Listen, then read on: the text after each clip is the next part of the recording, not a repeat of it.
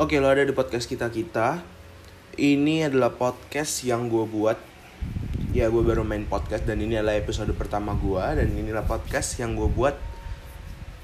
Nantinya nih podcast akan bahas bah, bah, bah, akan bahas tentang eh banyak sih karena ini kan podcast kita kita ya ya yang yang dekat dengan kita atau mungkin hal-hal menarik atau mungkin hal-hal yang sedang hype atau tinggi kalau kata orang-orang sekarang hmm, intinya kita akan bahas apa aja lah di sini. Bukan kita sih lebih ke arah gue tapi kalau misalnya nanti su- suatu saat nanti mungkin kita bisa berdiskusi atau kita bisa ya gue ngejawabin pertanyaan nanti gimana. Ini kalau ada yang denger juga podcast ini dari awal sampai akhir gitu ya. Em, sebelumnya gue mau memperkenalkan diri dulu. Nama gue Albion Filipos. Dan gue masih kuliah. Bukan masih tapi baru kuliah. Gue baru kuliah. Bisa dibilang gue maba. Dan ya ya udah apa yang mau dikenalin lagi? Kan eh gue baru kuliah. Jadi mungkin yang denger ini bisa jadi lebih tua daripada gue ya udahlah ya pakai gue lo lo aja. Masa gue pakai abang kakak anjir kan? Nggak seru. Eh nggak seru juga gitu kan? Hmm, untuk episode langsung aja ya. Males gue basa-basi oi. Untuk episode pertama ini gue pengen ngebahas sesuatu yang yang udah gue alamin sekitar 4 tahun. Gue udah ngejalanin hal ini sekitar 4 tahun lah. Kalau misal kalau misalnya ngerantau itu disebut jauh dari rumah bukan jauh dari rumah ya gitulah ya. Mungkin gue udah bisa dikategorikan 7 tahun karena dulu gue SMP di Jakarta sementara rumah gue di Bekasi jadi tiap hari pulang balik Bekasi Jakarta Bekasi Jakarta. Tapi itu yang nggak bisa dikategoriin ngerantau lah ya. Ya hari ini pokoknya gue bakal bahas tentang ngerantau. Apa sih tuh ngerantau gitu ya? Enaknya apa ya? Ini gue ngebahasnya apa yang dari yang apa yang pernah gue alamin atau mungkin ya ya tentang fakta-fakta yang ada saat ngerantau yang udah gue alamin gue itu SMP yang kayak tadi gue bilang SMP gue di Jakarta. Salah satu sekolah swasta di Jakarta Jakarta Timur. Sementara rumah gue di Bekasi ya nggak terlalu jauh tapi lumayan juga. Setiap hari gue berangkat sekitar jam setengah lima pagi setengah lima subuh gue berangkat naik bus dari Bekasi terus gue pulang jam jam 4 ya jam 4 jam 4 sore lah. Bisa dibilang gue dulu SMP ya kayak pekerja ya udah kayak kerja. But I'm enjoy that. Gue senang dulu gue SMP eh banyak lah pengalaman gue SMP bukan banyak pengalaman apa sih yang bisa didapat anak SMP gitu ya? Gue SMP istilahnya udah bisa jauh dari rumah dalam hal sekolah gitu. Gue tiap hari sendiri ya tadi itu bolak balik naik bus. Dan di bus itu memang isinya kalau misalnya gue berangkat dan pulang ya isinya tentang orang-orang isinya orang-orang kerja semua gitu orang-orang yang baru berangkat orang baru pulang gitu kalau sore. Gue biasanya eh, berdiri di pinggiran di pinggiran pintu bus biar nggak bayar ya. Terus setelah lulus SMP gue bilang ke bokap gue gue mau nyoba untuk ngerantau nih. Eh, gue mau sekolah di luar kota gue bilang gitu. So bokap gue nggak nanya emang mau sekolahnya di mana? gitu kan. Berhubung ya SMP lah ya ya. Gue nggak mau yang terlalu jauh-jauh gitu misalnya saya mau sekolah merantau. Mau di mana? Di Papua. Ya kan nggak mungkin gitu ya. Terlalu jauh biayanya gede kan. Di um, gue bilang gue mau di sekitaran Jawa Tengah aja deh yang yang memang kota-kota banyak sekolahnya gitu. Jadi gue pertama di bukan disaranin sih tapi lebih tepatnya gue yang nyari nyari nyari sekolah di mana yang bagus. Sampai akhirnya gue tes salah satu sekolah swasta yang yang keren lah. Pokoknya di Jogja ini bisa dibilang sekolah idaman lah ya. Dan juga di Indonesia nih di Indonesia tuh udah lumayan terkenal lah ya namanya udah lumayan orang banyak tahu lah. Gue tes di situ salah satu sekolah swasta itu gue tes di situ dan ternyata otak gue bego. Ya gue pokoknya gue nggak dapet dan di situ gue belum belum belum nyerah gitu. Kayak anjing lah masa gue di Jakarta Jakarta lagi? Gue bilang gitu. And then gue nyari-nyari lagi terus akhirnya disaranin sama saudara. Itu di sana tiga ada sekolah bagus gini gini gini gini. Sekolahnya asrama. Damn gue mau ngerantau gitu ya tapi nggak asrama asrama juga gitu.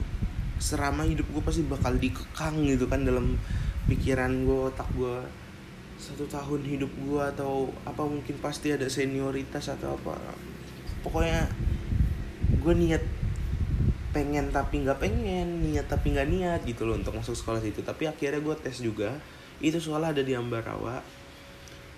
So gue tes di sana ya gue nggak niat ya untuk masuk di sana karena sekolahnya asrama gitu kan. Jadi ya gue nggak niat buat ngerjain soal tapi walaupun gue niat ngerjain tuh soal ya gue yakin gue juga nggak bakal dapet karena wah kampret. Untuk ukuran anak yang baru lulus SMP itu soal susah banget anjing gue inget banget gue tes dulu di sana kan gue cuman berdua sama bokap gue naik mobil. Dan tiba-tiba bertemu dengan saudara ya bukan saudara saudara jauh. Nggak tahu dia akan tes di situ juga. Ketemu lah. Pokoknya itu soalnya emang susah banget men. Gila ukuran anak SMP susah lah pokoknya. Gue inget banget waktu itu. Banyak yang geleng-geleng kepala apalagi gue waktu itu jadi tesnya itu kayak di aulanya gitu kan. Banyak banget. Ada kali sekitar berapa ratus orang gitu kan. Ya akhirnya gue nggak dapet juga di Ambarawa itu. Terus udah nggak dapet di Ambarawa bingung gitu ya mau ke mana. Gue masih pengen tetap sekolah di luar kota sana tapi nggak ada yang dapet gitu kan. Bingung mau ke mana. Jadi gue coba coba-cobalah. Ya gue ada apa yang gue suka cita-cita gue ya gue asal nyerempet nyerempetin gitu. Akhirnya gue tes di salah satu sekolah menengah kejuruan di Yogyakarta. Gue tes di sana SMK gitu ya gue adalah adalah lulusan SMK gue tes di sana akhirnya gue dapet. Akhirnya gue dapet SMK di Jogja. Dan akhirnya ya gue ambil di sana gitu. Karena emang udah nggak dapet. Tapi dulu waktu pertama kali gue masuk ya gue pengen masuk sana. Sekarang setelah lulus gue menyesal masuk sana. Ya gitulah pokoknya. Uh, akhirnya short story ya berjalannya hidup lagi kan gue abis tes tuh kan masih ada libur libur libur gue akhirnya tiba nih buat ke Jogja sana buat pindahan. Akhirnya gue berangkat ke Jogja. Nih pengalaman gak bakal gue lupain sih ya. Parah. Ini pertama mohon, mohon maaf nih ya kalau misalnya nanti di tengah-tengah if I'm swearing atau mungkin gue berkata kasar ya bodo amat lah. Gue nggak bisa nahan-nahan pokoknya yang apa yang ada itu deh pokoknya ya. Sorry kalau misalnya emang ada yang merasa keganggu atau gimana. Oke gue lanjutin lagi. Gue berangkat ke Jogja itu pas pas ini tuh pas lebaran atau apa gitu. Pokoknya itu lagi masa-masanya mudik lah gue berangkat. Dan gue berangkat nggak naik kereta gitu kan. Nggak naik pesawat nggak naik kereta. Gue bersama mobil tetangga gue dan itu epic banget sih. Gue adalah tetangga gue udah deket sama gue gitu. Jadi tetangga gue ini mau pulang. Rumahnya emang gak di Jogja di ada di sana beberapa beberapa jam dari Jogja. Tapi dia mau nganterin ke Jogja gitu ya. Orang namanya ada tetangga deket gitu ya. Um, gue berangkat sana dan gue berenam. Ya eh satu dua tiga empat lima. Berlima. Gue berlima. Gue berlima dan itu pakai mobil Toyota Accord tahun berapa itu men? Itu Accord yang lama men yang masih kotak. Mobil ya, ya selayaknya mobil masih masih kotak gitu Toyota Accord mobil jadul gitu. Gue suka gue suka mobil klasik gitu loh. Dan awalnya gue senang gitu kan akhirnya gue bisa naik mobil klasik. Tapi men dipakai jalan jauh ternyata sangat tidak nyaman kampret gue pengap banget kan apalagi pas macet. Dan di situ kan yang kayak gue bilang tadi gue tuh ke Jogja itu pas saat saat musim mudik gitu loh. Jadi jadi ya gitu macet. Yang biasanya Jakarta Jogja it's about 8 sampai 12 jam kan ya? Gue ini dua hari main baru nyampe Jogja iya iya. 8 sampai 12 jam setahu gue itu lo udah bisa Jakarta Jogja gitu karena naik mobil gitu. Apalagi sekarang yang pakai pakai tol-tol itu nah dan gue menempuh itu dalam waktu dua hari. Dua hari kurangnya satu setengah hari lah 24 jam lebih pokoknya tapi. Itu gara-gara macetnya parah men. Udah gue pengap macet gitu ya. Gue sampai tidur di jalan gue inget banget gue tidur di jalan gitu karena nggak gue udah capek buat nyupirin kan karena macet banget. Kita tidur di jalan dulu habis itu lanjut gitu kan. Gitulah. Ya akhirnya gue nyampe di Jogja gitu kan. Gue nyampe di Jogja. Gue ngekos di Jogja. Kosan gue nggak jauh dari sekolah gue ya sekitar 800 meter lah dari kos dari dari sekolah gue kosan gue tuh. Kosan pertama gue itu. Kosan gue itu kecil banget men. Dua kali dua apa ya? Dua kali dua. Dan itu kamar mandinya kamar mandi luar. Jadi bener dua kali dua. Petak gitu doang. Langsung isinya cuman kasur lemari satu meja belajar udah. Itu udah kelihatan penuh banget terus itu kosan kampret banget sih ya kosan pertama gue tuh bener-bener masih menekankan kayak bener bangunan zaman dulu gitu. Pintunya itu pintu kayu tapi kayak pintu kayu jadul lama gitu. Engselnya masih yang besi yang model lama gitu. Terus ini sih yang paling kampretnya itu apa namanya jendela. Jadi kan kosan gue itu ada jendelanya. Jendelanya itu kalau dari tempat tidur gue persis samping sebelah kanan tempat tidur gue jadi mentok tembok sana langsung jendela. Gue berharap jendela itu bisa kasih angin seger gitu ya apa pas gue buka men jeret kampret. Itu langsung berhadapan dengan dinding. Dan nggak ada apa-apa itu kan ya angin juga ya masuk masuknya juga ya, ya biasa gitu dikit. Soalnya dindingnya diatepin atasnya gitu kan. Apa yang mau masuk dari mana anginnya gitu kan. Terus jendelanya diteralisin kayak penjara gitu. Kan udah serasa kayak di penjara gitu kan.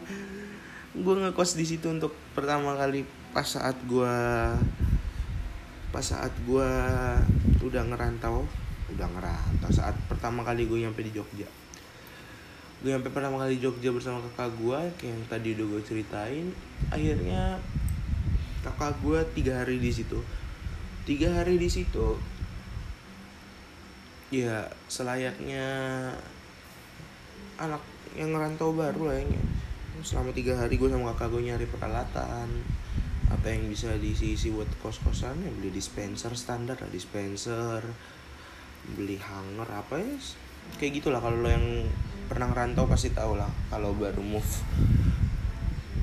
dari satu tempat gimana. Hmm, akhirnya gue pun ditinggal sendiri. Karena kakak gue ada keperluan ya kalau nggak salah dia kerja lagi gitu. Tiga hari gue ada di sana ada di sana sama kakak gue ya gue ditinggalin.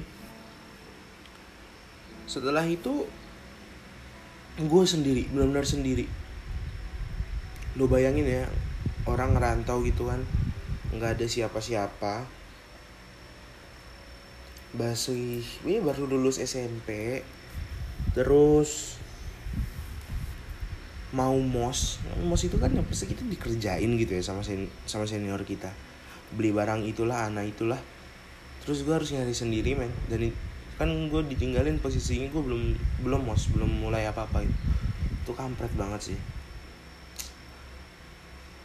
Sebelum gue ditinggalin tuh pas kakak gue lagi packing packing barang itu aduh itu malu-maluin banget sih. Itu gue nangis men.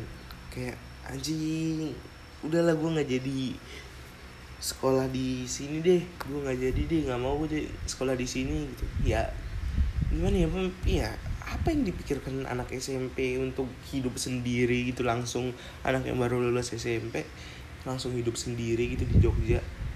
Gue akhirnya bilang sama kakak gue oh gue nggak mau di sini dulu balik kayak fuck lah udah bangsat biarin lah di sini. Udah nggak jadi sekolah pengen ke Jakarta aja gue ya tapi akhirnya kakak gue nyeramahin gue gitu ya. Udahlah akhirnya gue stay di situ kakak gue balik. Gue stay di situ sendiri. Itu sekolah belum mulai sih. Iya belum mulai. Terus sekolah belum mulai gue nggak ngapa-ngapain kan di kosan tuh. Nah pas saat itu gue tuh nggak makan tiga dua hari bener-bener nggak makan sama sekali. Bukan karena nggak ada duit karena nggak tahu mau ke mana gitu buat makan. Iya tahu gitu. Gue tinggal nyebrang tuh ada namanya burjo kalau di Jogja. Pasti orang-orang Jogja tahu lah burjo ya. Kalau ininya warmindo warmindo. Dulu namanya masih burjo burjonan. Sekarang namanya udah warmindo. Ya gue tinggal nyebrang tuh ada burjo tapi rasanya tuh males aja gitu. Kayak sendiri banget gitu kan gue males aja buat buat keluar buat beli makanan atau makan. Dua hari gue nggak makan gue cuman minum dari dispenser tidur bengong. Dan nggak nggak ada HP itu. Jadi jadi itu dulu emang udah zamannya Android. Tapi HP gue tuh rusak. HP gue rusak dan sebagai konsekuensinya gue belum bisa beli HP lah gitu intinya. Gue pakai Samsung HP uh, ya pakai HP Samsung yang lipat itu. Yang yang cuman bisa nelpon sama SMS itu. Tahu lah lo ya sekarang masih banyak yang maki juga. Yo udah jadi gue nggak bisa ngapa-ngapain. Emang mau main apa gitu loh di HP Samsung itu? HP main Zuma ya kan? Main Zuma main Sudoku nah gitu kan. Nggak lucu itu gue main. Nah di situ gue baru Stre- stres sih bisa dibilang. Walaupun apa yang bisa distresin gitu ya sama anak SMP tapi itu gue gue inget inget rasanya itu stres juga sih. Nah dari situ gue gue se- sebelum gue mulai untuk ngerantau aja ya, ada hal yang udah gue dapet gitu. Satu kayak gue nya gue gue ngerasa nyaman atas eh, terkadang kala gue ngerasa hal yang pertama ngerantau itu bikin ya gue kadang-kadang enak buat sendiri gitu. Gue ngerasa nyaman aja buat kesendirian gue jadi anjir nih teman gue teriak-teriak lagi di luar. Sorry ya kalau ada suara teriak-teriak. Lu nggak tahu juga nih kedengaran apa enggak jadi gue hal yang pertama gue pelajarin tuh ya it's okay to be alone ya ada saatnya waktunya lo emang harus sendiri gitu. Jadi itu yang gue belajarin. Tap tapi ada juga yang gue pelajarin gue jadi suka baca men. Jadi gue dikasih beberapa novel sama saudara gue dan di saat sendiri itu gue nggak ada kerjaan nggak ada kerjaan ya. Yang tadinya gue tuh ngelihat orang yang ngebaca tuh kan anjing nih orang bego banget mau ngebaca. Berapa halaman itu ini gue saking gak ada kerjaannya ya edik gue sampai sama sama ngebaca itu. Satu hari gue bisa baca satu novel atau mungkin dua novel. Nggak nggak satu hari sih. Ya seminggu seminggu dua novel tuh bisa lah. Gue edik banget ngebaca ya, karena nggak ada kerjaan lagi ya. Apa yang mau gue kerjain gitu? Belum mulai sekolah juga kan. Terus story long story akhirnya gue mulai masuk sekolah gitu. Gue mulai masuk sekolah hari pertama gue sekolah ya selayaknya ngemos ya mos pertama jadi anak baru. Gue mos FYI gue mau kasih tahu kalau sekolah gue ini sekolah semi militer gitu. Jadi jadi gue dulu botak men. Gue dulu setahun pertama botak. Literally botak. Dan dia cuman dikasih atasnya itu dikasih sisa 3 3 mm ya apa gunanya kan atasnya 3 mm gitu nggak ada gunanya juga orang ngelihat tetap botak-botak aja gitu. Dan hari pertama tuh pangkas rambut lah itu ya. Pokoknya hari pertama gue dipangkas rambut di sekolah gitu. Gue juga bingung kenapa gue dulu tuh mau masuk sekolah itu ya. Mau aja gue di printer printer gitu. Aduh oke nanti itu kita bahas. Uh, gue masuk sekolah ya biasanya selayaknya baru masuk sekolah selayaknya mos. Ngapain sih mesti ya paling nih kayak ada acara-acara gitu kan ya kayak seminar wannabe. Nggak seminar gitu. Ya tentang pengarahan lah apa yang sekolah gitu ya. Namanya masa pengenalan lingkungan sekolah. Kalau dulu kalau sekarang MPLS itu namanya rasa pengenalan lingkungan sekolah. Dulu masih gue zaman gue masih mos itu masih organisasi siswa. Siswa apa sekolah sih? Lupa gue bodo amat. Nah habis itu gue masih mos kayak gitu adalah nih di satu di suatu suatu kejadian gitu ya. Gue lagi ya gue kan orangnya agak-agak introvert gimana gitu ya. Jadi gue nggak mau gue males banget untuk ngebuka suatu pembicaraan sama orang kalau itu nggak penting gitu. Jadi gue gue ditanya ya gue disapa atau ditanya sama ada salah satu salah satu orang. Sampai sekarang pun gue udah lupa orang yang mana. Gue disapa gitu disapa. Gimana ya nyapanya ya? Ya biasa lah ya selaknya apa gue gimana ya apa gue malah bingung sendiri goblok gue anjing. Ya kayak hai. Nah yang bikin gue ngejelep gitu. Apa sih anjir ngejelep pokoknya yang bikin gue kaget gitu. Dia bilang gini hai kamu dari mana? Gitu gue tiga tahun di Jakarta gue menghabiskan hidup gue sebelumnya di Jakarta gitu ya. Dan dari kecil kecil aja gue masih udah pakai lo gue gitu udah udah sengak gitu. Dan tiba-tiba gue ke Jogja gitu tiba-tiba nih orang nanya hai kamu dari mana? Dan cowok gitu kan. Yang yang eh yang gue tahu kan yang kita tahu kalau di di Jakarta tuh sekitarnya kan aku kamu tuh ya use it for use it for relationship or ya saat formal gitu or in the formal condition. Tapi ini bener-bener dipakai gitu ya pada saat berhari-hari gue kaget gitu loh. Dalam hati gue gue berpikir dulu gue SMP udah bisa berpikir gitu kan gue senang buat ngimpulin orang dulu SMP ini gila emang gue dulu SMP apa SMA kelas 1 SMK kelas 1 gue berpikir dalam otak gue anjing ini orang kampret. Ini orang apa ya ini orang manggil gue a bilang aku itu dia bicara aku kamu gitu. Ini orang homo apa gimana? Gitu dalam pikiran gue adanya itu gitu. Gue udah bisa berpikir seperti itu SMP kan aneh gitu. Gue nggak tahu gue normal apa nggak. Nah pokoknya sih cerita kayak gitu. Nah dan gue baru tahu pada saat itu bahwa di Jogja tuh memang ucapannya aku kamu. Sebenarnya di Jogja ya anak-anak sekolahan ini aku kamu gitu. Kalau enggak ya bahasa Jawanya kowe aku no ngono lagi anjir. Ya gitulah pokoknya.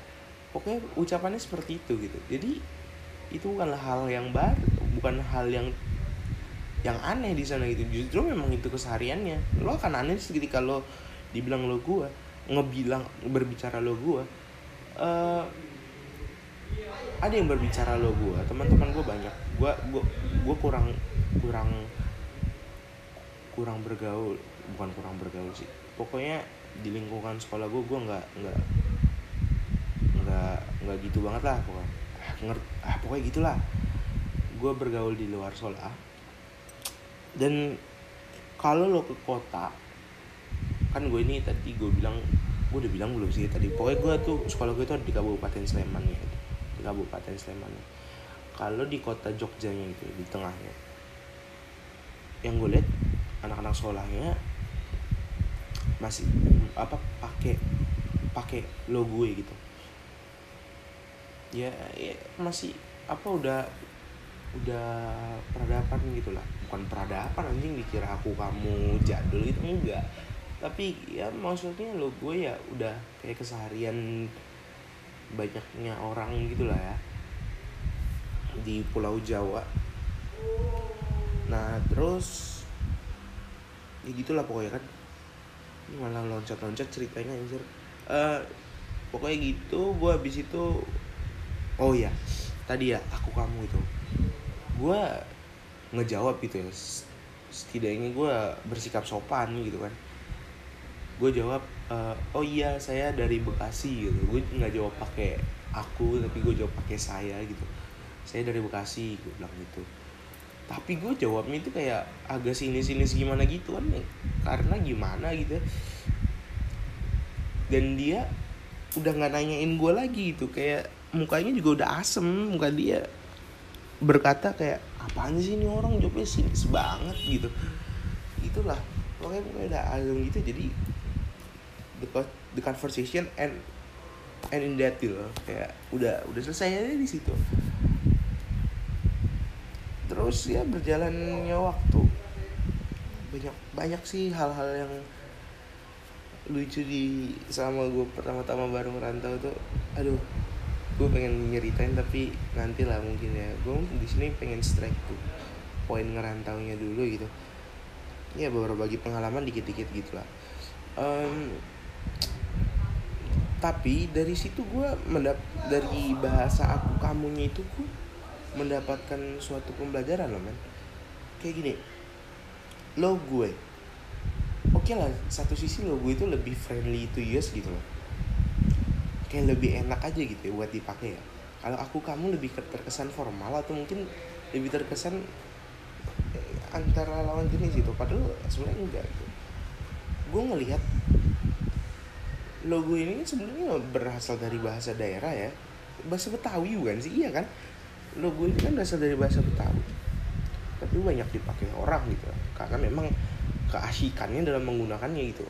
Dalam iya dalam pelafalan ini itu yang yang gue lihat dalam pelafalannya dalam apa itu it's friendly to use gitu loh.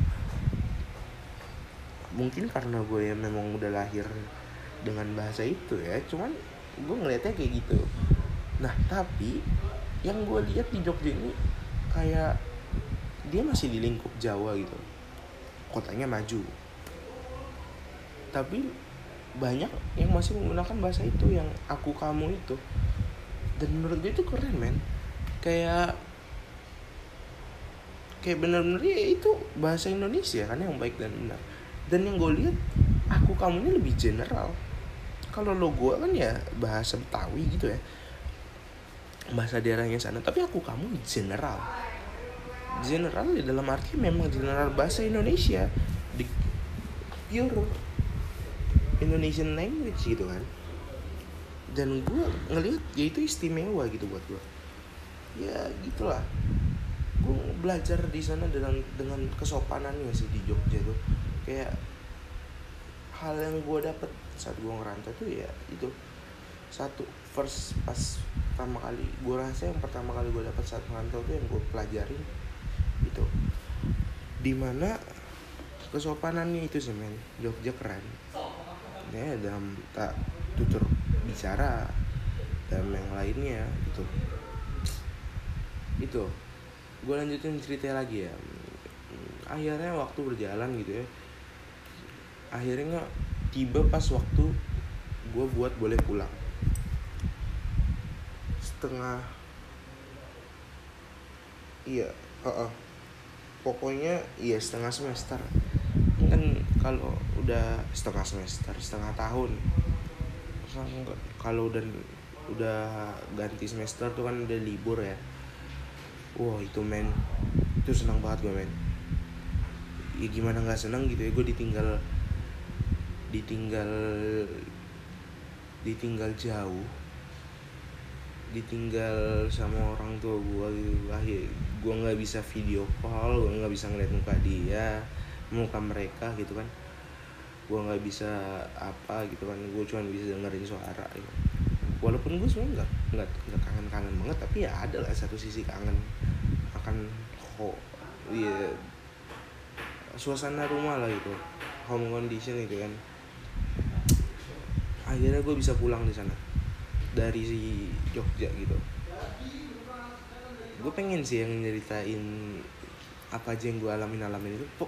Mungkin di di next podcast atau mungkin uh, gimana gitu ya. Pokoknya nanti lah gue ceritain. Sekarang gue tuh poin buat ngerantau tuh apa apa apa aja gitu. Gue uh, ya sekaligus ya cerita serius yang pengalaman dikit ya. Gue tadi kan udah bilang itu goblok aduh tolong. Ya gitulah pokoknya. Gue pulang akhirnya gue pulang dan gue pulang tuh itu epic banget sih men gue pulang tuh. Gue pulang jadi gini gue mau cerita kalau kan tadi gue udah bilang sekolah gue itu semi militer dan seragamnya juga ya seragamnya ala ala militer itu. Ya berbentuk adalah potongan ya tau lah lo seragam bukan seragam militer bukan loreng-loreng gitu bukan. Tapi kayak seragam taruna atau siswa militer gitulah. Siswa tentara baru gitulah bukan seragamnya. Kalau lo tahu akademi angkatan udara atau mungkin akmil ya ya apa yang lo tahu lah gitu. Yang orang-orang pengen banget mau masuk situ gue juga bingung kenapa gitu. Ya seragam gue mirip-mirip gitulah yang warna warna apa sih itu? Warna coklat ya warna coklat lah. Seragam gue mirip-mirip gitu. Dan ya enggak namanya cowok gitu ya. Siapa sih yang enggak enggak bangga gitu? Yang enggak yang enggak enggak terlalu bangga sih. Maksudnya siapa sih yang enggak senang gitu ya pakai seragam itu? Jadi sebenarnya seragam itu tuh sakral men dalam persekolahan gue jadi jadi gue gue gue tuh orang tuh nggak boleh pakai sembarangan. Jadi misalnya gue pulang sekolah ke warung gue pakai seragam itu. Kalau gue dilihat sama sama pembina gue atau dilihat sama senior gue gue bisa dihukum gitu men. Kena hukum. Karena di buku sakunya itu juga di dibilangin kayak gitulah pokoknya. Anjingnya berisik banget temen luar bangsat emang. Gue gue lanjutin. Pokoknya gitulah. Tapi gue dengan nekat gitu ya gue pengen banget nunjukin gue pulang. Gue pulang pakai seragam men. Karena tolol banget emang gue ya masih kelas SMP tolol banget gue ngapain gitu ya. Kan bukan gue ngelihat itu sekarang bukannya bangga banggain malu maluin gitu. Gue pulang pakai seragam itu lengkap. Dan gue beli atribut atribut siswa militer kayak akmil akmil gitu. Gue beli atribut nun karena kan sekolah gue ayo pasti ada yang tahu deh sekolah gue tuh di mana. Kan sekolah gue tuh dekat sama atribut atribut militer gitu ya. Kalau lo orang Jogja mungkin lo tau lah sekolah gue di mana gue nggak mau nyebutin. Atribut atribut militer gitu. Gue gue beli lah di situ beberapa atribut itu gue tempel tempelin itu. Mau tempel bukannya pokoknya gue pakai pakein lah pas gue pulang ke sana. Ya gitulah pokoknya. Tolol banget sih sumpah asli gitu tuh. Ini pengalaman yang pengen gue sharing sih. Belajar belajar bodoh juga dari rantau gitu. Bego bawa. Ya pengen pamer istilahnya. Itu sih itu tuh ngerantau tuh. Ketika lo pulang ada yang pengen lo pamerin gitu. Lo pengen lo bawa sesuatu gitu. Lo pengen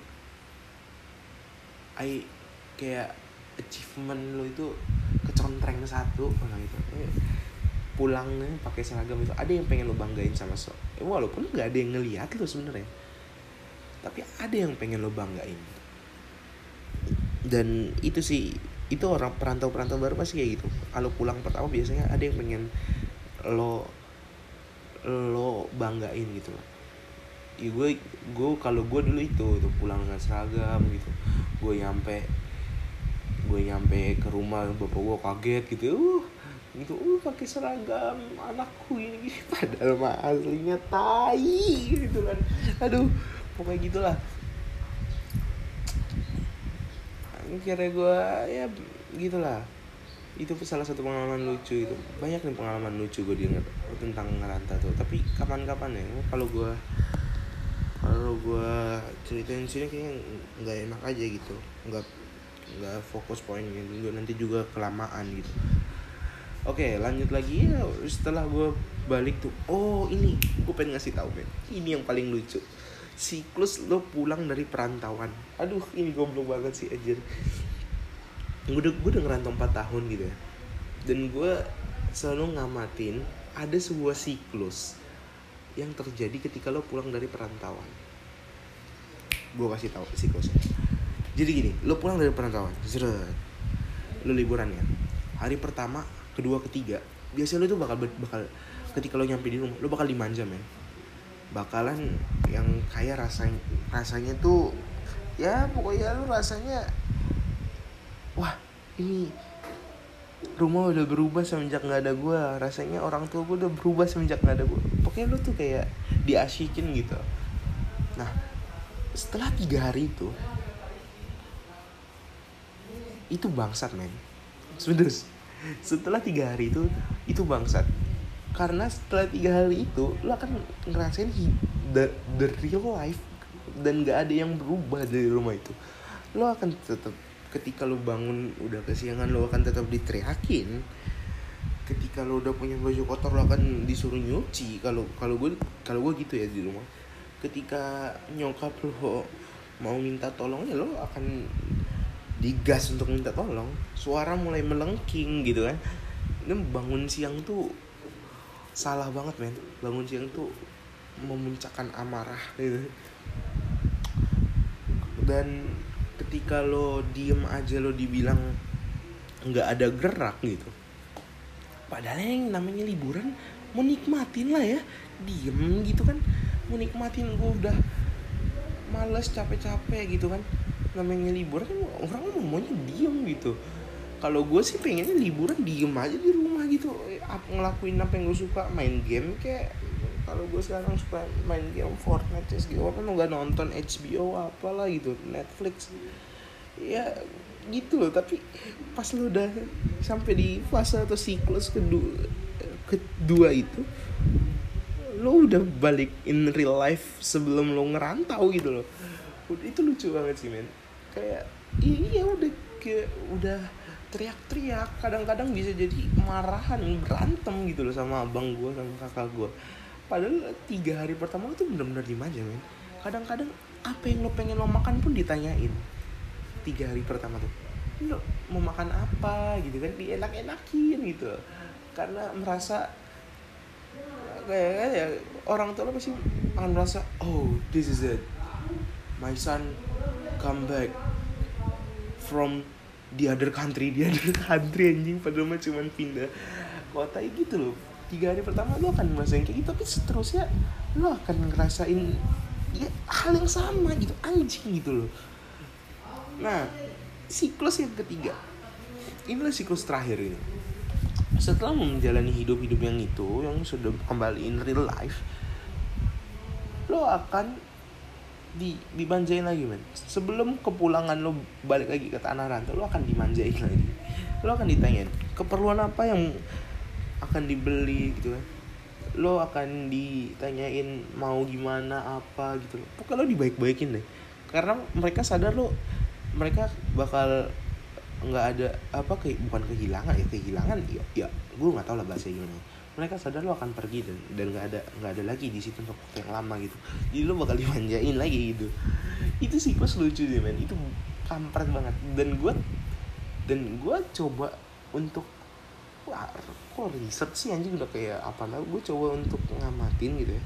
Dan gue tanyain ke teman-teman gue ternyata gue cerita gitu gue sharing ke teman gue kalau pulang tuh gini gini gini gini dan ternyata bener gitu. Dan gue udah empat tahun ngerantau. Sampai sekarang siklus itu masih terus terjadi kalau setiap kali gue pulang. Dan bener gitu loh teman-teman gue yang ngerantau dulu kalau gue cerita gitu iya cuk bener cuk aku juga kayak gitu gitu gitu dia pasti bakal jawab kayak gitu gitu. Aduh gitulah pokoknya kan? Nah balik lagi tentang masalah ngerantau tadi ya itu. Masalah ngerantau ya ngerantau tuh asik men. Gimana ya? Asik lah pokoknya. Lo baik dapat banyak hal gitu loh dalam ngerantau. Satu lo experience experience yang diberikan saat lo ngerantau dan lo saat lo cuman pulang balik rumah sekolah rumah sekolah atau mungkin ya pokoknya rumah sekolah lo deket gitu ya nggak terlalu jauh atau beda kota. Lo masih di orang tua itu experience-nya beda gitu. Lo bisa dapat banyak hal di rantau. Yang pertama lo bisa self management lo bisa mandiriin diri lo gitu. Ini namanya ngerantau ya lo hidup sendiri. Ya enggak walaupun enggak sendiri sendiri amat tapi lo hidup sendiri yo yang ngatur hidup lo sendiri. Kalau misalnya lo sama orang tua kan lo masih bisa diatur sama orang tua. Makan lo kalau tapi kalau ngerantau lo hidup sendiri. Lo terserah deh. Lo mau mati di begal juga bisa. Lo mau mati nggak makan juga bisa. Lo mau makan di mana juga terserah gitu. Yang kedua itu tentang duit gitu. Manajemen uang. Itu tuh gue dapet banget saat gue ngerantau saat gue ngerantau tuh gue dapet banget manajemen uang. Di mana gue harus kontrol duit gue gue pernah dapet ber gue gue mingguan sih yang ngirimnya. Gue nggak mau terlalu boros. Ya kadang-kadang gue kalap juga gitu. Walaupun gue udah lama ngerantau tapi gue nggak berani per bulan. Kadang-kadang kalap gitu. Karena per bulan terasa lama banget itu tapi kalau per minggu rasanya enak gitu. Bulanan bulanan aja. Aduh mingguan gue tuh nggak lebih dan nggak kurang. Istilahnya cukup lah. Ini kalau dia rata-ratain cukup lah. Walaupun lebih banyak orang yang gue kenal itu bulan bulanannya gila men. Kalau lo mau tahu nih ya gue kasih bocoran tips kok tips bocoran. Kalau gue waktu dulu di Jogja men itu banyak orang dari Papua men. Dan apa namanya gue gue bukan bukan gue nggak ngata-ngatain ya ini justru gue malah membanggakan orang Papua gitu. Orang Papua itu ini men bulanannya banyak banget loh men. Gue tahu itu dari teman gue gue ada temen eh, temen gue waktu gue SMK di Jogja tuh ada yang dari Papua. Lumayan banyak lah. Gue tahu di temen gue dan ternyata setelah gue lihat-lihat itu bulanan mereka lebih daripada UMR men. UMR kota Bekasi bulanan mereka lebih daripada itu. Fuck. Gue pernah di fase yang berle menurut gue itu udah berlebih gitu. Gue pernah dikasih satu minggu 500 ribu. Waktu pertama-tama kali itu ya karena gue butuh buat beli banyak keperluan gitu ya. Itu berjalan sekitar satu bulan lah gitu. Satu minggu satu hari lagi satu minggu lima ratus ribu. Nah itu. Satu minggu lima ratus ribu. Untuk satu minggu lima ratus ribu di Jogja men lo udah bisa hidup mewah men. Lo bisa makan di kafe. Lo bisa eh pokoknya lo bisa jalan-jalan lah itu enak lah pokoknya. Dengan 100 ribu, 150 ribu seminggu aja lo bisa hidup. Dan itu bisa lo, lo bisa makan dua kali sehari 150 ribu tuh di Jogja. Lebih malahan tuh ini mereka yang orang orang orang Papua ini nggak semuanya sih. Tapi yang berapa yang gue lihat kebanyakan tuh segitu gitu loh. Anjing gue bilang ini orang liburan apa ngerantau? Gue bilang tuh dia bener-bener gue sebut angka aja ya 5 juta men sebulan. Lo bayangin 5 juta sebulan. Iya 5 juta itu ukurannya ya, ya kecil gitu buat sekarang. Tapi ya kalau buat ngerantau di Jogja untuk ukuran anak SMK dulu itu besar banget men. Gila 5 juta di Jogja itu aduh itu kayak liburan gitu loh. Walaupun yang nggak nggak kayak libur liburan banget tapi itu besar gitu. Uang uang mingguan gue sampai sekarang nggak berubah gitu dari Jogja. Ini sama aja. Walaupun gue udah pindah tempat oke balik lagi tadi. Hal-hal yang didapat malah loncat-loncat ceritanya. Sorry ya kalau misalnya ceritanya berantakan gitu. Gue masih mencoba untuk membangun buat storytelling gue atau apa itu ya. Pokoknya gitulah. Balik lagi tadi apa hal-hal yang didapat pas ngerantau gitu. Jadi udah self management manajemen uang. Yang ketiga relasi. Saat lo ngerantau lo nggak bisa dong hidup sendiri terus menerus itu selama lo ngerantau. Pasti lo akan mencari teman banyak tempat yang lo kunjungi. Ketika lo mencari teman gitu ya pokoknya lo dapet relasi banyak lah dapat dari mana pun. Kan banyak juga orang yang ngerantau. Gue banyak banget sih dapat relasi buat uh, relation tuh gue banyak banget. Relasi teman gue teman dekat gue uh, dari beberapa berbagai daerah ada. Gue nggak tahu mereka nganggap gue teman apa nggak tapi gue menganggap mereka teman gitu ya. Nganggap lah anjing. Kalau teman gue ada yang nggak dengar podcast ini bangsat tuh nggak nganggap gue teman. Uh, teman gue dari Papua ada. Dari Kalimantan ada. Dari Sumatera ada. Sekitaran Pulau Jawa, sekitaran Jogja ada. Wonogiri, Purworejo, Solo, Purwokerto ada. Um, gue gue tapi itu banyak lah ya teman dekat gue ada itu dari berbagai daerah. Relasi ini lo dapet enak gitu loh men kayak misalnya ya kalau kata kalau misalnya kata nyokap gue gitu ya banyak temenin misalnya kalau kamu nanti mau jalan ke sana sana jadi gampang ya alasan nyokap gue Iya, gak, gak jelas banget ya. Kamu gampang bisa nginep di rumah teman kamu. Ya buat apa juga anjir. Gue nggak punya duit juga masa gue mau jalan-jalan ke sana gitu. Ya itu kata kalau katanya kalau kata nyokap gue rela apa alasan yang paling gampang itu gitu. Tapi relasi itu penting men. Lo belajar banyak dari teman lo dan gue belajar banyak dari culture culture dari iya dari kultur kultur budayanya orang-orang teman-teman gue lah ya. Dari Kalimantan gue tahu cara mereka berbicara tutun apa dia tutur bahasanya tut, tatanan bahasanya mereka beda gitu loh. Kadang-kadang kan kita ada kalau misalnya itu dibalik-balik gitu. Ada yang kata yang misalnya gimana ya misalnya? Gitulah pokoknya. Kadang ada yang dibalik-balik. Terus dari tentang segi kemarahannya atau emosinya bagaimana gitu satu hal yang gue pelajarin gue nggak mendiskredit mendiskreditkan atau mengkotak-kotakan suku ini begini suku ini begini. Itu jadul sih men. Tapi yang gue lihat emang ada yang kayak gitu. Gitulah pokoknya. Pokoknya ada yang kayak gitu ada yang keras ada yang lembut. Dan gue dan gue nggak mengkotak-kotakan itu tapi gue akuin itu ada. Dan gue belajar banyak dari situ. Gue ngelihat mereka jadi gue bisa menilai gitu loh. Walaupun nggak secara seluruhnya tapi gue bisa gue ada big big picture about that gitu. Gue ada gambaran besar akan itu. Jadi gue bisa ketika gue berhadapan dengan orang yang suku itu atau dari daerah sana ya gue jadi bisa mengkondisikan diri gitu itu men. Baru pengen gue sebutkan. Mengkondisikan diri. Di perantauan ini hal nggak lo dapet di perantauan aja sih. Tapi gue ngerasa di perantauan itu lebih dapat lebih dapat aja gitu. Kalau dibanding kalau gue uh, stay sama orang tua atau gimana gitu ya di situ-situ aja. Lo lebih bisa untuk mengkondisikan diri. Kalau misalnya gue berhadapan dengan orang Batak gue gimana kalau misalnya gue berhadapan dengan orang Jawa gue gimana berhadapan dengan orang Kalimantan gue gimana gue lebih bisa mengkondisikan diri itu. Itu hal berguna banget men di hidup gitu loh.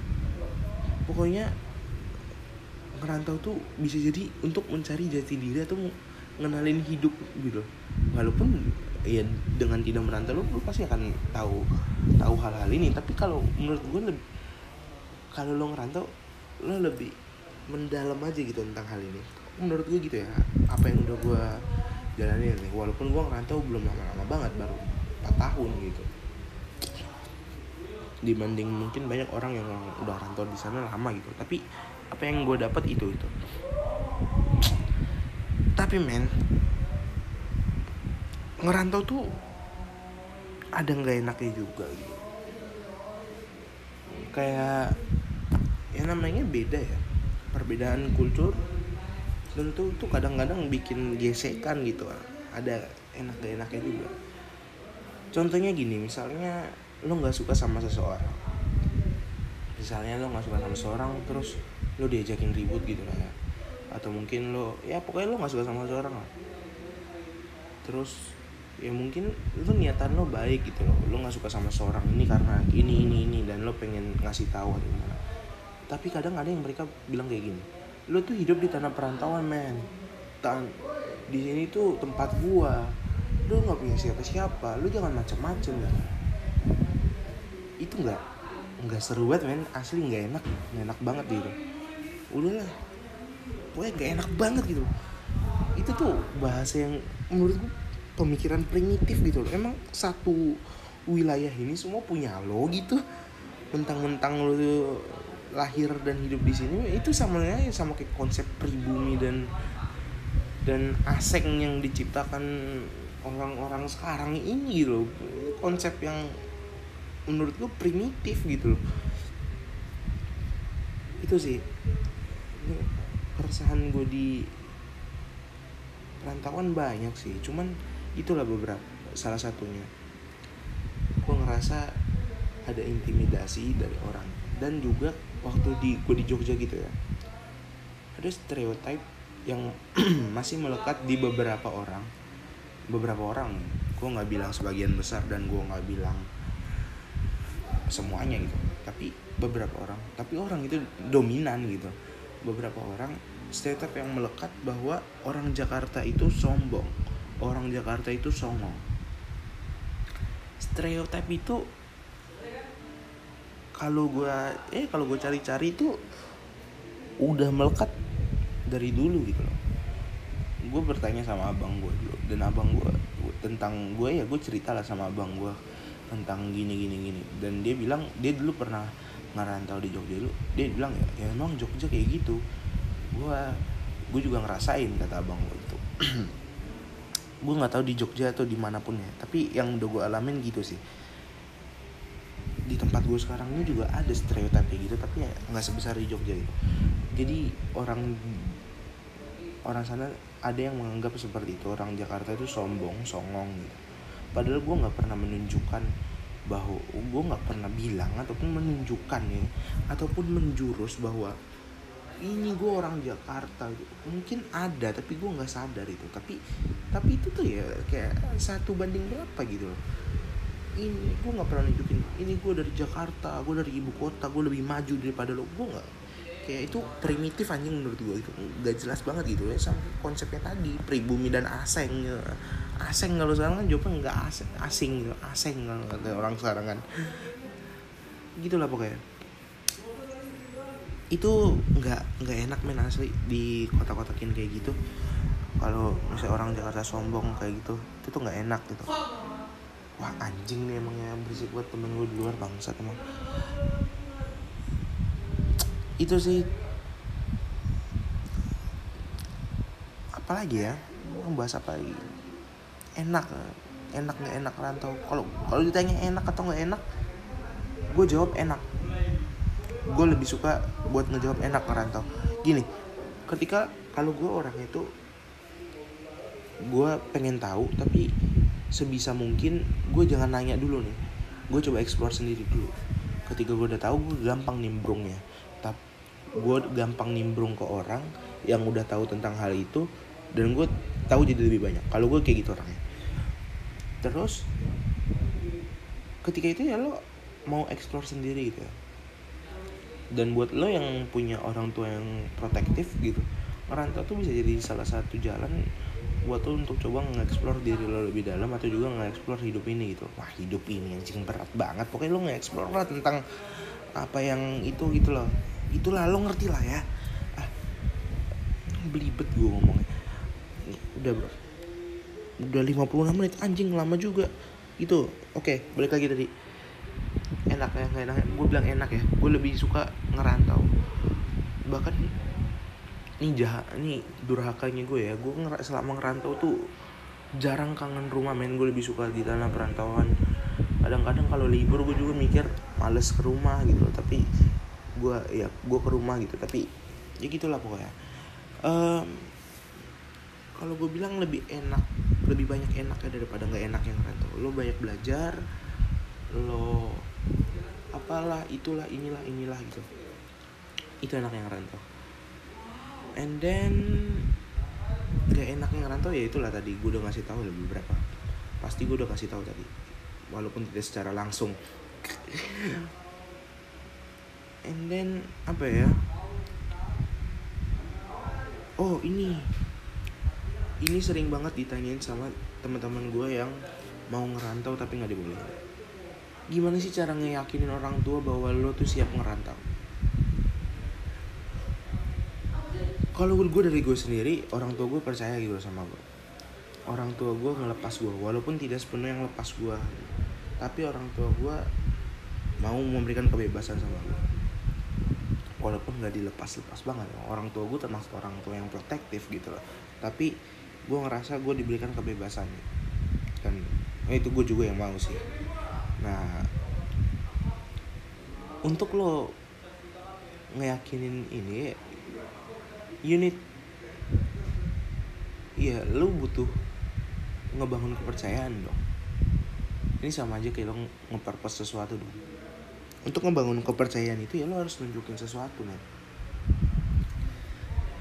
nunjukin bahwa lo tuh udah siap bahwa lo tuh udah ya lo tuh udah udah bisa lah untuk dikatakan merantau gitu loh. Bahwa lo tuh udah bisa ngurus diri lo sendiri gitu. sesimpel misalnya lo bisa nunjukin lo habis makan naro ini klise banget ya tapi terkadang benar gitu. Kalau kalau di gua benar gitu sesimpel lo habis makan naro naro piring lo di wastafel terus lo cuci. Mungkin itu bisa jadi nilai plus bahwa lo tuh udah bisa mandiri atau mungkin lo tuh udah belajar untuk menjadi orang yang lebih baik. Terus sesimpel mungkin lo pulang malam tapi lo bisa bangun pagi. Bangun pagi itu kenapa ya orang tua sekarang gue nggak tahu deh. Ya tapi kalau yang gue ngeliat dari kebaikan orang tua tuh pengen banget kita bangun pagi gitu walaupun nggak ada kerjaannya gitu loh. Walaupun nggak ada kerjaan libur gue disuruh bangun pagi gitu. Aneh gue tuh. Sesimpel itu misalnya lo bisa pulang malam oke okay, gitu loh tapi lo bisa bangun pagi gitu. Bisa jadi itu. Bisa jadi lo udah bisa mengatur keuangan lo itu bisa jadi nilai plus buat nunjukin kepercayaan. Istilahnya ya lo harus tahu lah orang tua lo sendiri itu maunya apa gitu. Dan lo uh, ngasih tunjuk nih ini gue udah bisa lo ngerantau gue bisa lo ngurus hidup sendiri. Atau mungkin lo mau langsung gambling lo langsung coba aja gitu langsung bilang gue bisa gini gini gini gini. Bisa baru di saat lo gambling itu ya lo tunjukin itu bahwa lo bisa ngerantau tuh jadi orang tua lo lebih percaya gitu lo gak khawatir sama hal. Itu sih ngerantau. Pesan pesan gue ya kalau lo yang masih bingung buat ngerantau apa enggak ngerantau aja men asli kalau lo ada di persimpangan ya aku ngerantau apa enggak ya? Kalau mungkin lo pengen gimana gimana gitu loh. Ngerantau apa enggak? Oke gue lanjutin. Anjir tadi oh dia keputus. Gue baru tahu kalau nge-record di anchor satu jam diberhentiin ya. Anjing udah lewat satu jam nih. Udah deh cepet aja ya gitu. Uh, apalagi sih? Tadi itu udah tentang itu ya cara ngeyakinin orang tua gitu ya. Gue nggak tahu itu cara sebenarnya benar atau enggak tapi ya gue lihat garis besarnya ya seperti itulah. Ya, ya emang emang harus seperti itu gitu. Ada sesuatu yang harus tunjukin dulu gitu. Uh, ini tadi udah masuk apa belum ya? Gue lupa gitu. Gue malas ngetrimnya audionya tapi ya pokoknya gitu lah kalau nimbrung nimbrung dikit dikit sorry ya kalau nggak enak gitu. Uh, tentang suatu keresahan gue gitu loh. Keresahan gue terhadap beberapa perantau yang nggak asik gitu. Kalau gue gue bilangnya nggak asik. Asyik asyik asik. Gue gue bilangnya nggak asik gitu. Uh, jadi gue sekarang nih ngerantau di Lampung. Gue ngerantau di Lampung. Ya gue kuliah di Lampung di salah satu PTN adalah di Lampung. Uh, gini. Jadi kan ada, ada yang viral nih di Lampung tuh ada case kayak gini. Uh, McD di Lampung nih cuma berapa ya? Maksudnya gue nggak gue nggak ngecilin Lampung. Lampung tuh ya masih dalam proses pembangunan gitu. Lampung itu gerbang utama Sumatera gitu. Jadi ya Lampung ini masih proses pembangunan ya yang lo tahu ya yang sekarang pemerintah bangun kan dari dulu ya Jawa Jawa Jawa gitu. Sekarang gue ngeliat Lampung ini dalam proses pembangunan gitu. Jadi ada case kayak gini. Hmm, Lampung ini kan ya restoran fast food gitu kayak McD gitu. Di sini bilang MCD gitu. gue nggak tahu kenapa ya pokoknya McD gitu ya. Uh, itu nggak sebanyak kayak di Jabodetabek gitu kan ya. Jadi uh, kadang-kadang ada yang bilang perantau bilang gini anjing lu norak banget sih ke McD aja nge-snap pamer gini nih. Uh, apa bikin kasih tahu udah ke McD gitu gitu gini gini gini gitu. Karena McD di sini belum belum sebanyak nih kayak Jabodetabek gitu loh istilahnya kayak gitu kan anjing gitu ya. Gue pengen bilang sama orang yang bilang kayak gitu yang bilang norak gitu anjing loh gue bilang gue pengen bilang kayak gitu ya. Oke okay lah ya. Gue menganggap itu mungkin ya. Satu sisi ada benarnya gitu ya. Tapi gini men. Iya gue tahu McD itu restoran biasa. Tapi mungkin ada yang menganggap McD itu ya as a fancy restoran gitu. And it's okay kalau dia suka di McD ya terserah gitu kan. Nggak ada masalah buat gue kalau gue lebih suka makan di warteg gitu kan atau apa dan itu juga nggak ada masalah gitu ya. Nah jadi masalah gini men lo tuh ngerantau gitu ya dan lo mau ngomentarin tentang daerah yang lo rantauin terus lo tuh kayak ngejelekin orang yang di situ. Walaupun mungkin niat lo secara menyelekit bener gitu loh tapi itu nggak asik men asli. Ketika ada yang ngomong gitu kayak gue seriously lo ngomong kayak gitu? Itu anjing men gue bilang tuh. Uh, gini loh setiap daerah tuh nggak bisa disamain men. Ada yang ya ini namanya Lampung ini masih berkembang. Gitu apa apa ada apa apa ya baru ada ya bisa terhitung gitu ya kalau di Jabodetabek ya yang kayak gitu-gitu yang nggak terhitung gitu ya. Nah dalam proses berkembang ini pasti ada yang ada yang memang gak serak dia loh gitu loh. Ini biasanya orang-orang kayak gini tuh yang merasa yang emang merasa dirinya high gitu dan merasa dia ngerantau tuh susah gitu. Dia merasa ngerantau turun derajat. Anjing ya berisik banget temen gue di luar. Dia merasa ngerantau tuh turun derajat drastis gitu. Uh, padahal yang ngerantau tuh nggak susah-susah amat. Kok ngerantau masih asik-asik aja masih bisa hidup enak gitu loh dia ngerasa kayak gitu karena merasa dibatasin dan mereka ngerasa kayak ada limitation antara mereka gitu kan. Uh, gue tuh nggak nggak nggak seneng banget gitu loh. Gimana ya? Ya buat apa lu ngerantau gitu tapi masih tetap sama aja gitu kayak yang tempat yang lain. Misalnya uh, banyak banyak restoran ininya banyak mallnya gitu buat apa gitu. Jadi maksud gue ya ya udah gitu loh. Setiap daerah punya porsinya masing-masing. Biarin siklus daerah itu yang mengembangkan daerah itu sendiri. Jangan lo paksain ya nggak lu bilang mengingatkan tapi lu bilang norak gitu. Aduh, itu tuh nggak asik men asli. Ya udah biarin. Kalau memang dia suka makan di McD silahkan. Kalau memang dia menganggap McD itu as a fancy restoran ya silahkan gitu. Dan itu yang terkadang membuat stereotip nah biasanya nih ya yang gue lihat juga emang kayak gini orang-orang yang sekitaran ibu kota gitu loh Jabodetabek itu. Makanya sering banget dicap ya orang sana tuh sombong songong gitu ini ceritanya jadi ngacak-ngacak gitu ya. Ya gitulah pokoknya. Tapi itu sih keresahan gue juga salah satu buat perantau gitu yang nggak yang terkadang tuh nggak bisa nyesuaiin dirinya gitu loh. Dia maksa buat orang lain sama kayak dia sepemikiran sama dia gitu. Dan gue nggak suka man itu nggak asik banget sih asli. Gue percaya atas freedom of speech gitu loh. Jadi ya walaupun itu bukan ini secara general bukan freedom of speech juga ya tapi ya gitulah pokoknya. Mungkin itu aja kali ya yang mau gue sampein ya. Apalagi ya mungkin gue bakal cerita baik-baik pengalaman gue di Jogja sih ya karena gue tiga tahun di Jogja. Tapi ya lihat nanti lah. Ya, kalau ada yang dengar podcast ini ya, pokoknya kalau lo yang dengar podcast ini dari awal sampai sekarang sampai ntar lagi berakhir tuh damn thank you so much gitu. Kayak anjing ada juga yang mau dengerin podcast gue gitu sejam lebih.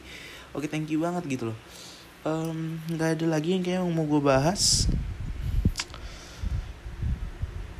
udah ya kayaknya itu aja. Nanti mungkin kalau tentang cerita-cerita rantau gue atau misalnya tentang pengalaman gue gue mungkin bakal dibahas deh atau naik di selanjutnya atau gimana.